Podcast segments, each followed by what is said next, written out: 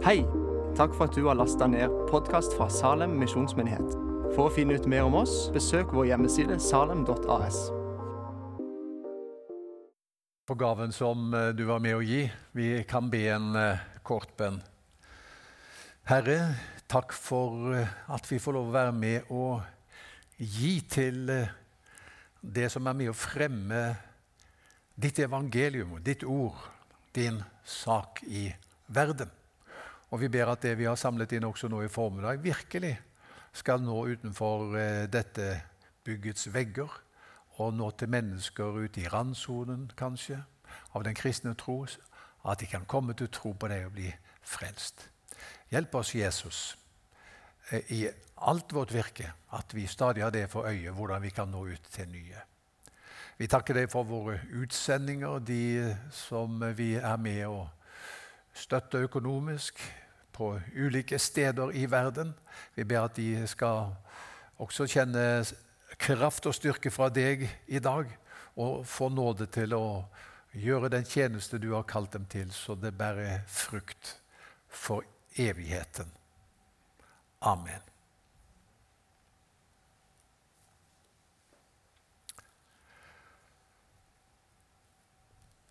God formiddag. Det er veldig, veldig fint å se dere alle sammen. I dag skal det, som Bente har eh, annonsert, handle om eh, å gå fra ordet til handling. Én ting er eh, handling. En annen ting er å gå fra ordet til handling. Um, jeg kan si det at og dette kommer ikke som en overraskelse på dere, Guds mål med oss, det er at vi skal bli stadig mer lik Jesus. Faktisk. Eh, få stadig mer del i hans kjærlighet, hans glede, hans fred, hans visdom. Altså få del i Jesu liv. Hvordan skjer det? Du, Det som jeg skal tale om i dag, det handler om at det skjer ved at vi kopierer Jesu livsstil. Vi kan ikke få del i Jesu liv og så leve på denne verdens vis. Vi får del i Jesu liv, glede, fred, kjærlighet, kraft, visdom, alt det han har, ved å være hans disipler. Kopiere ham, så vi ser hvordan var det Jesus levde. Ja, ok, jeg må innrette livet mitt slik som han levde det. Så får jeg også del i Jesu liv. Og eh, Da skal vi se på eh, en åndelig praksis som eh, Bente nevnte, som eh, har dette latinske navnet lexio divina. Det betyr bare hellig lesning. Eh, men det er altså en måte å lese Bibelen på som har veldig mye kraft i seg til å eh, løse oss fra båndene til denne verdens måte å leve på, og koble oss på Jesu måte å leve på, og gjennom det få del i Jesu liv. En bibeltekst som illustrerer denne praksisen, skal vi nå lese. og Det er i Lukas 10, og fra vers 38 til 42. På sin vei kom han, altså Jesus, til en landsby hvor en kvinne som het Martha, tok imot ham i sitt hjem. Martha hadde en søster som het Maria. Hun satte seg ned ved Herrens føtter og lyttet til hans ord. Men Martha var travelt opptatt med alt som skulle stelles i stand. Hun kom bort til dem og sa, 'Herre, bryr du deg ikke om at min søster lar meg gjøre alt arbeidet alene?' 'Si til henne at hun skal hjelpe meg.' Men Herren svarte henne, Martha, Martha, du gjør deg strev og uro med mange ting, men ett er nødvendig. Maria har valgt den gode del, og den skal ikke tas fra henne. Amen. Her har vi to søstre. Dette er jo en kjent bibelberetning. Her har vi to søstre. Det er Martha og det er Maria. Og de har på en måte to ulike livsstiler. Og vi skjønner jo av Jesu ord at det er Marias livsstil som er forbildet for oss. Samtidig er det Martas livsstil som er mest nærliggende. Det er det som kommer mest naturlig, og det er denne verdens måte å leve på. Så la meg begynne med å si litt om eh, Martas problem travelhet. Marta var travelt opptatt, leste vi. Hun gjorde seg strev og uro med mange ting. Og i så måte så ligner hun jo ganske mye på oss. Hvis det er noe som kjennetegner mennesket anno 2020, så er det travelhet. Og det er egentlig over hele fjøla. Det gjelder menn og kvinner. Det gjelder barn og unge. Og det gjelder yrkesaktive og pensjonister. Nei, ikke pensjonister. Jo, faktisk, det er mange pensjonister som har sagt til meg det er travelt å være pensjonist. Og jeg tror dem når de sier det. Så, så man kan jo spørre Det er liksom hvem du Uansett hvem du treffer på, så kan man spørre Hei, hvordan har du det? Vet du hva standardsvaret er? Ja, du vet det. Det er sånn. Jo, jeg har det bra, men det er travelt. Det er allment akseptert å ha det travelt. Og det kan være litt status knytta til det òg. Men Corrie ten Bom, husker du henne? Hvem har lest eller hørt om Corrie ten Bom fra Nederland? Ja, ikke sant? Har du ei bok hjemme i bokhylla di av henne, og det er lenge siden du har lest den, hent den fram igjen. Hun er verd å lese og lytte til. Hun sa hvis ikke djevelen får deg til å synde, gjør han deg travel. Resultatene er nemlig de samme. For hva gjør travelhet med oss? Travelhet, hør godt etter, er en fiende av alt vi har kjært. Det er en fiende av kjærligheten. For det vet vi, er vi glad i noen, kjærlighet tar tid. Kjærlighet er en fiende av glede. De som har forska på glede, sier at glede handler om å være til stede i øyeblikket. Nyte øyeblikket, det er glede. Mens travelhet forteller deg at du alltid skulle vært et annet sted enn du er akkurat nå, og derfor må du haste videre gjennom livet. Travelheten er en fiende av fred. Har du møtt et travelt menneske noen gang? Et skikkelig stressa menneske. Det første som slår meg da, det er ikke Der møtte du et fredfullt menneske. Fred og eh, travelhet eh, går ikke så godt i hop. Travelhet er også en fiende av åndelig liv. Nå skal du høre. Det er ingen av oss som har imot et sterkt åndelig liv. Det skulle jeg likt å se om det var noen her som Nei, det er jeg imot, altså. Et rikt liv med Gud. Med overflod av glede, kjærlighet, kraft, visdom og fred. Det er vi ikke imot. Vi har bare ikke tid til det. Og Derfor slår vi oss til ro med middelmådighet og et utspedd liv med Gud.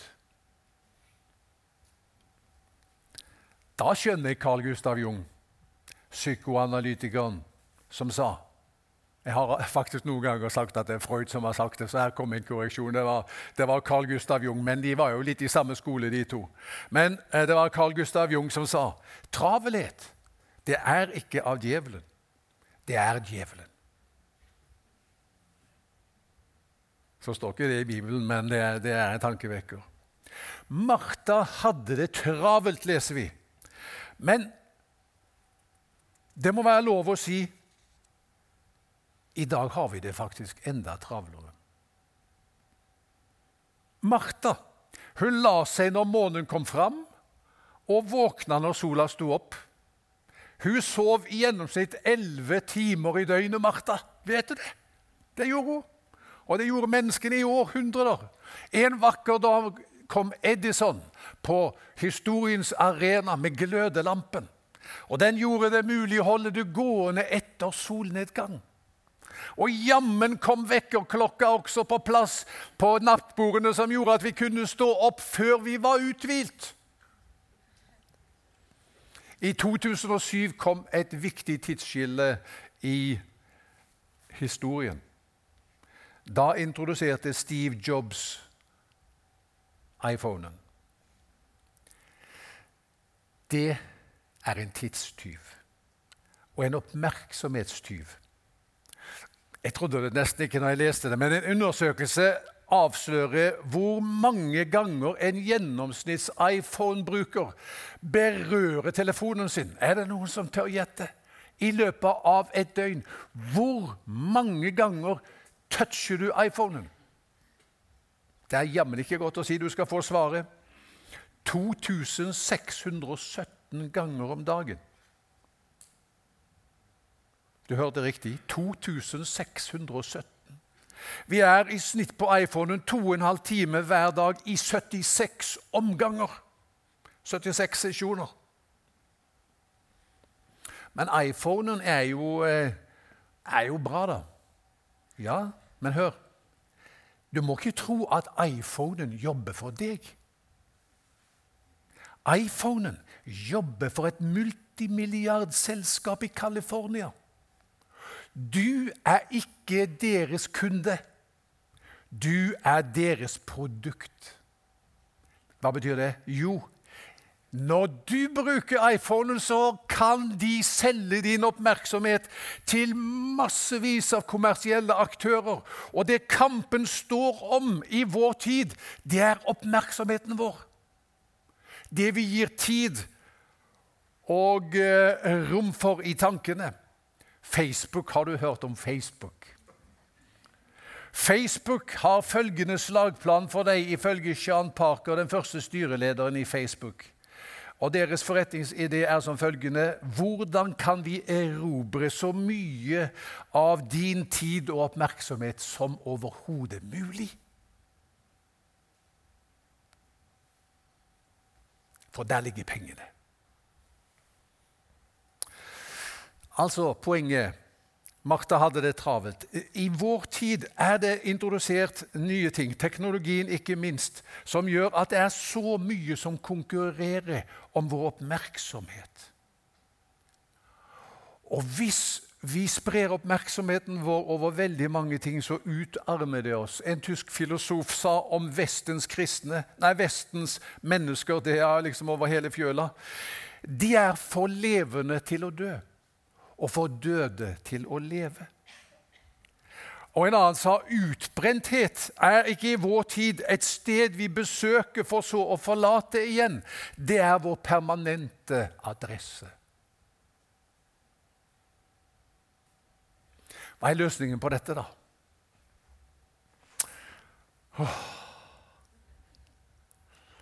Jo, løsningen er vi trenger mer tid. Eller vi må snakke med Han som skapte himmel og jord. Kan du arrangere universet litt annerledes, sørge for at sol og måne går litt annerledes, og døgnet får 30 timer? 24 er for lite for oss. Vi må ha 30. Det går ikke. Vi hadde klart å fylle dem òg, tror du ikke det? Løsningen er ikke mer tid, men det er et radikalt brudd med en livsstil som utarmer oss. Det er travelheten. Løsningen er å innrette livet sitt etter Jesu mønster. Her var det minst travle mennesket som har gått på denne jorda, tror jeg. Da han fikk beskjed om at eh, Lasarus ligger for døden, og Martha og Maria de er så stressa. Kan du komme og be for ham? Så står det at han var et annet sted, og da var han der i to dager til. Som et eksempel på at han lot seg liksom ikke styre av klokka og av mennesker som ropte. Han, han levde i takt med det som liksom var Guds ting for ham der og da. Jeg har nevnt en som heter Dallas Willard noen ganger. og Kommer du over noen bøker av han, De er jo på engelsk alle sammen, tror jeg, men det er verdt å lese. Ikke minst en bok som jeg har hjemme, som jeg har lest noen ganger, som heter The Spirit of the Disciplines. Vel, han, eh, han, var mentor til en kjent eh, amerikansk pastor som heter John Ortberg, som jeg også har lest noen bøker av. Kanskje har du hørt om han. Og denne John Ortberg da, han spurte Dallas Willard jeg er ikke fornøyd med den utgaven av meg selv som jeg er i dag. Hvordan kan jeg bli det mennesket som jeg lengter etter å bli? Da sier Dallas Willard du må resolutt eliminere travelhet fra livet ditt. Jeg har en bok hjemme som heter dette, akkurat det. Uh, uh, the Ruthless Elimination of Hurry. Så vil du fordype deg i dette, så les den. Ja, sa han John Ortberg, hva ellers? Hva i tillegg til dette? Det er ikke noe mer. Det er travelheten som er den store fienden av åndelig liv. Så åndelig liv og travelhet lar seg altså ikke forene. Det er ild og vann, eller vann og olje, om du vil. Travelhet er ikke kristent. Vi kan si det travelhet er antikristent.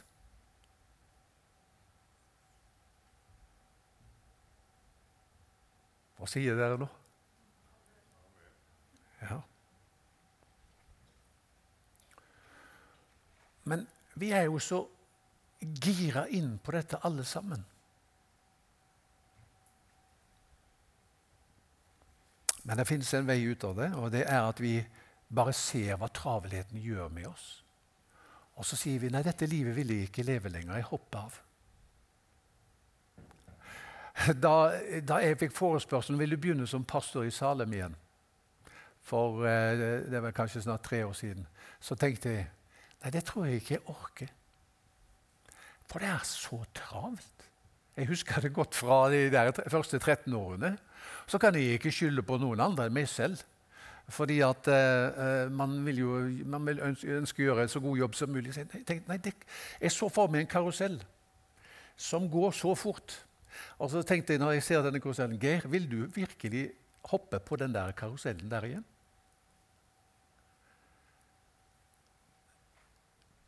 Og så etter mye om og men så tenkte jeg at uh, jeg får la det stå til. Jeg er litt svimmel her jeg står i dag. Nei da. Men det som jeg kan si dere Jeg har gjort et valg.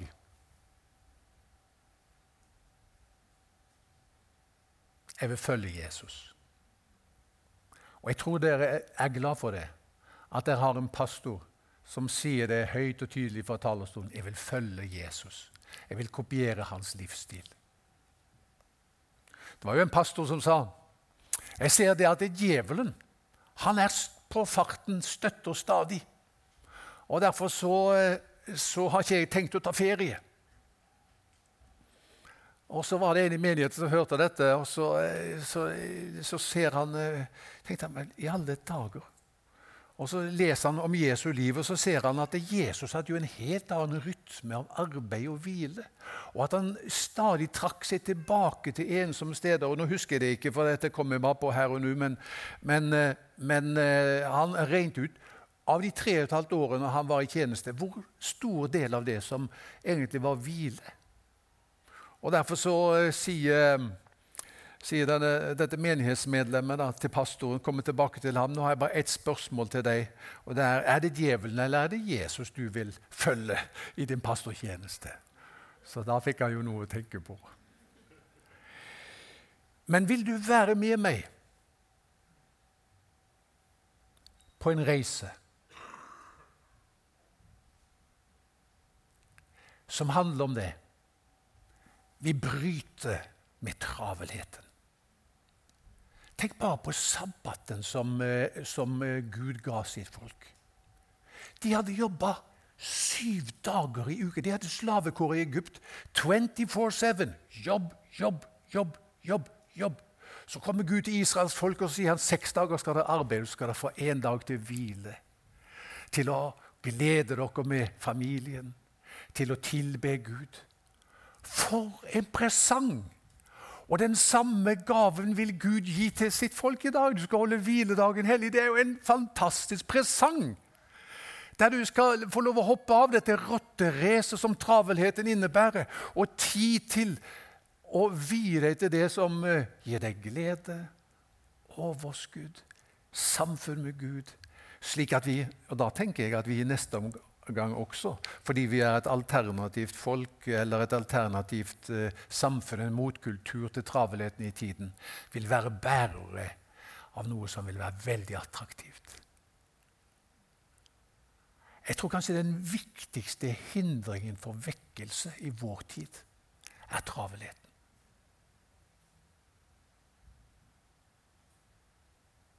Ok. Har jeg brukt opp tida? Hvor lenge har jeg tatt? Stopp på. Nei, for jeg er jo ikke kommet til hovedpunktet ennå. Nei, nå tror jeg vi må ha med et glass vann.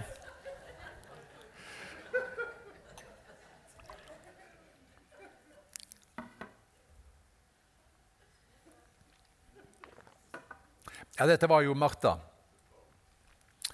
Så er det Maria. For Maria bryter jo, hun gjør et valg. Hun bryter med den lærerlivsstilen. Det var nok ikke det at hun var lat. Altså, dette her var, handlet ikke om det. Dette handlet om at hun skjønner at det er mye som er viktig, og så er det noe som er et spørsmål om liv eller død. Og så tenkte nok, Martha, nei, så tenkte nok Maria det er mye jeg ikke må. Og så vil jeg sette meg ned, Nå er Jesus her, jeg vil sette meg ned for ham. Og så ser vi da at Marias valg når hun setter seg ned ved Jesu føtter, det, det er posisjonen til en lærling av Jesus. Man er sammen med Jesus og vil lære av ham å handle som han ville gjort om han var meg. Det er en Jesu lærling.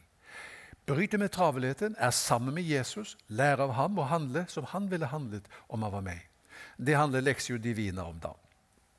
Nå skal du få de der punktene der. Du får dem på veggen også, tror jeg, etter hvert. For det første, denne måten å lese Bibelen på handler punkt 1 om å bli stille. Før du leser, så blir du stille. Og Nå ser de jo dere alle punktene der, for jeg glemte å ta dem punkt for punkt, så da kan du jo få tid til å lese dem. Så ser du hva jeg skal si nå. Men eh, punkt nummer én er altså 'bli stille'. Bli stille for Guds ansikt, kanskje tenne et lys eller sette på dempet eh, lovsangsmusikk. I alle fall være åpen for at Den hellige ånd vil tale til deg nå. Det er klart Bare dette er et brudd med travelheten. Er ikke det litt kult? Da, da, da bryter du med, med, det som er tidsånden. Nå er du stille. Det heter på fint på det meditative språket så heter det å sentrere. Altså du fokuserer på Gud. Nå er jeg for hans ansikt. To minutter må du i alle fall bruke på, på det. Bare bli stille. Tal til meg, Hellige Ånd. Hør. Gud er allestedsnærværende. Og han er like sterkt til stede i alle tider. Kanskje du har tenkt som meg ja, den som bare hadde levd i apostlenes gjerninger. Eller jeg kunne hoppet inn på et eller annet punkt i evangelieberetningene. Da var Gud sterkt til stede. Men Bibelen sier Gud er allestedsnærværende. Tror vi på det? Han er her, og han er til stede alle tider. Han er der i din levetid, i, i dette nuet. Han er her.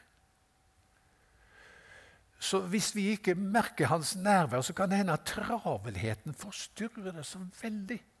Men når du blir stille, så er du for Guds ansikt. Punkt to. Så leser du bibelteksten. Og det, eh, Hvordan du gjør det altså Det går an å følge en bibelstudieplan, eh, som, eh, som veldig mange gjør. Og Bent og meg gjør det samme. og så Nå er vi kommet hit. Nå leser vi bibelteksten. Langsomt og ettertenksomt. Gjerne høyt for deg sjøl. Gjerne flere ganger. La ordet tale. Så det tredje, så mediterer du over teksten. Tenker over den. Kanskje lever deg inn i teksten. Jeg vet ikke om du har, eh, Jeg er fra Haugesund, jeg har livlig fantasi. Det er ikke vanskelig for meg å leve meg inn i bibeltekster. Så jeg kan plassere meg inn i teksten. Se for deg settingen, menneskene som er der. Lytt til ordene som sies. Lev det inn i stemningen. Er det noen du identifiserer deg med? Nå har vi lest Martha og Maria. Ok, Så prøver du å være flue på veggen. Nå er du der i det, i det rommet. Så ser du hva som skjer. Samspillet, samtalen. Hvem identifiserer du deg med? Så, punkt fire så, og dette er jo så nydelig, så omsetter du det du har lest, i bønn. Altså bønn som fødes ut av skriftlesning, er jo fantastisk sterkt. Bønner som liksom bare popper opp fordi nå har jeg lest Guds ord, og Gud har talt til meg gjennom ordet. Og så det han taler til meg, det gjør jeg om til bønn, og så ber jeg det tilbake til han i lovprisning, eller jeg ber det for meg selv og menneskene rundt meg. Nå har jeg lest om Martha og Maria. Kjære Jesus. Du taler til meg. Jeg vil bryte med travelheten. Jeg ønsker å sette meg ned ved dine føtter. Du må hjelpe meg, Herre. Og så det siste, så la du det du har lest, komme til uttrykk i handling. Fra ordet til handling. Og Da er det slik at det er handlingen den reflekterer det du har lest. Hvilke følger skal det som jeg har lest i dag, få for mitt daglige liv? Hvordan skal jeg prioritere annerledes i hverdagens små og store gjøremål? Da er det ikke kulturen, samtiden, som setter agendaen din, men da er det ordet som setter agendaen. Og så handler det da om at du eh, eh, La dette få ut, eh, eh rom i ukeplanen, i kalenderen. Jeg tenker så så, Det lureste vi kan gjøre, det er enten du har en månedskalender eller du har en ukeplan så er det nå liksom ganske så blankt der, så begynner du med å plassere inn i kalenderen det som er viktig for deg.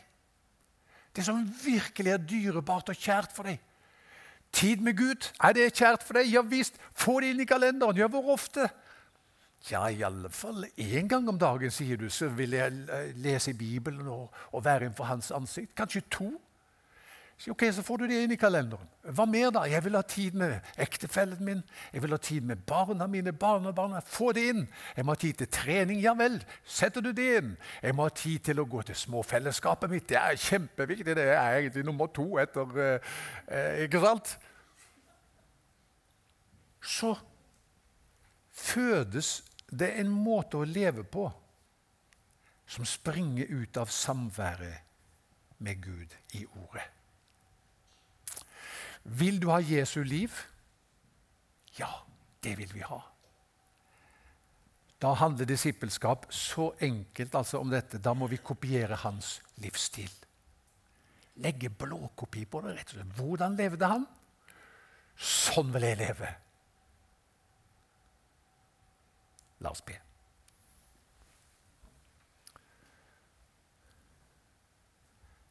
Herre, du kjenner oss bedre enn vi kjenner oss selv.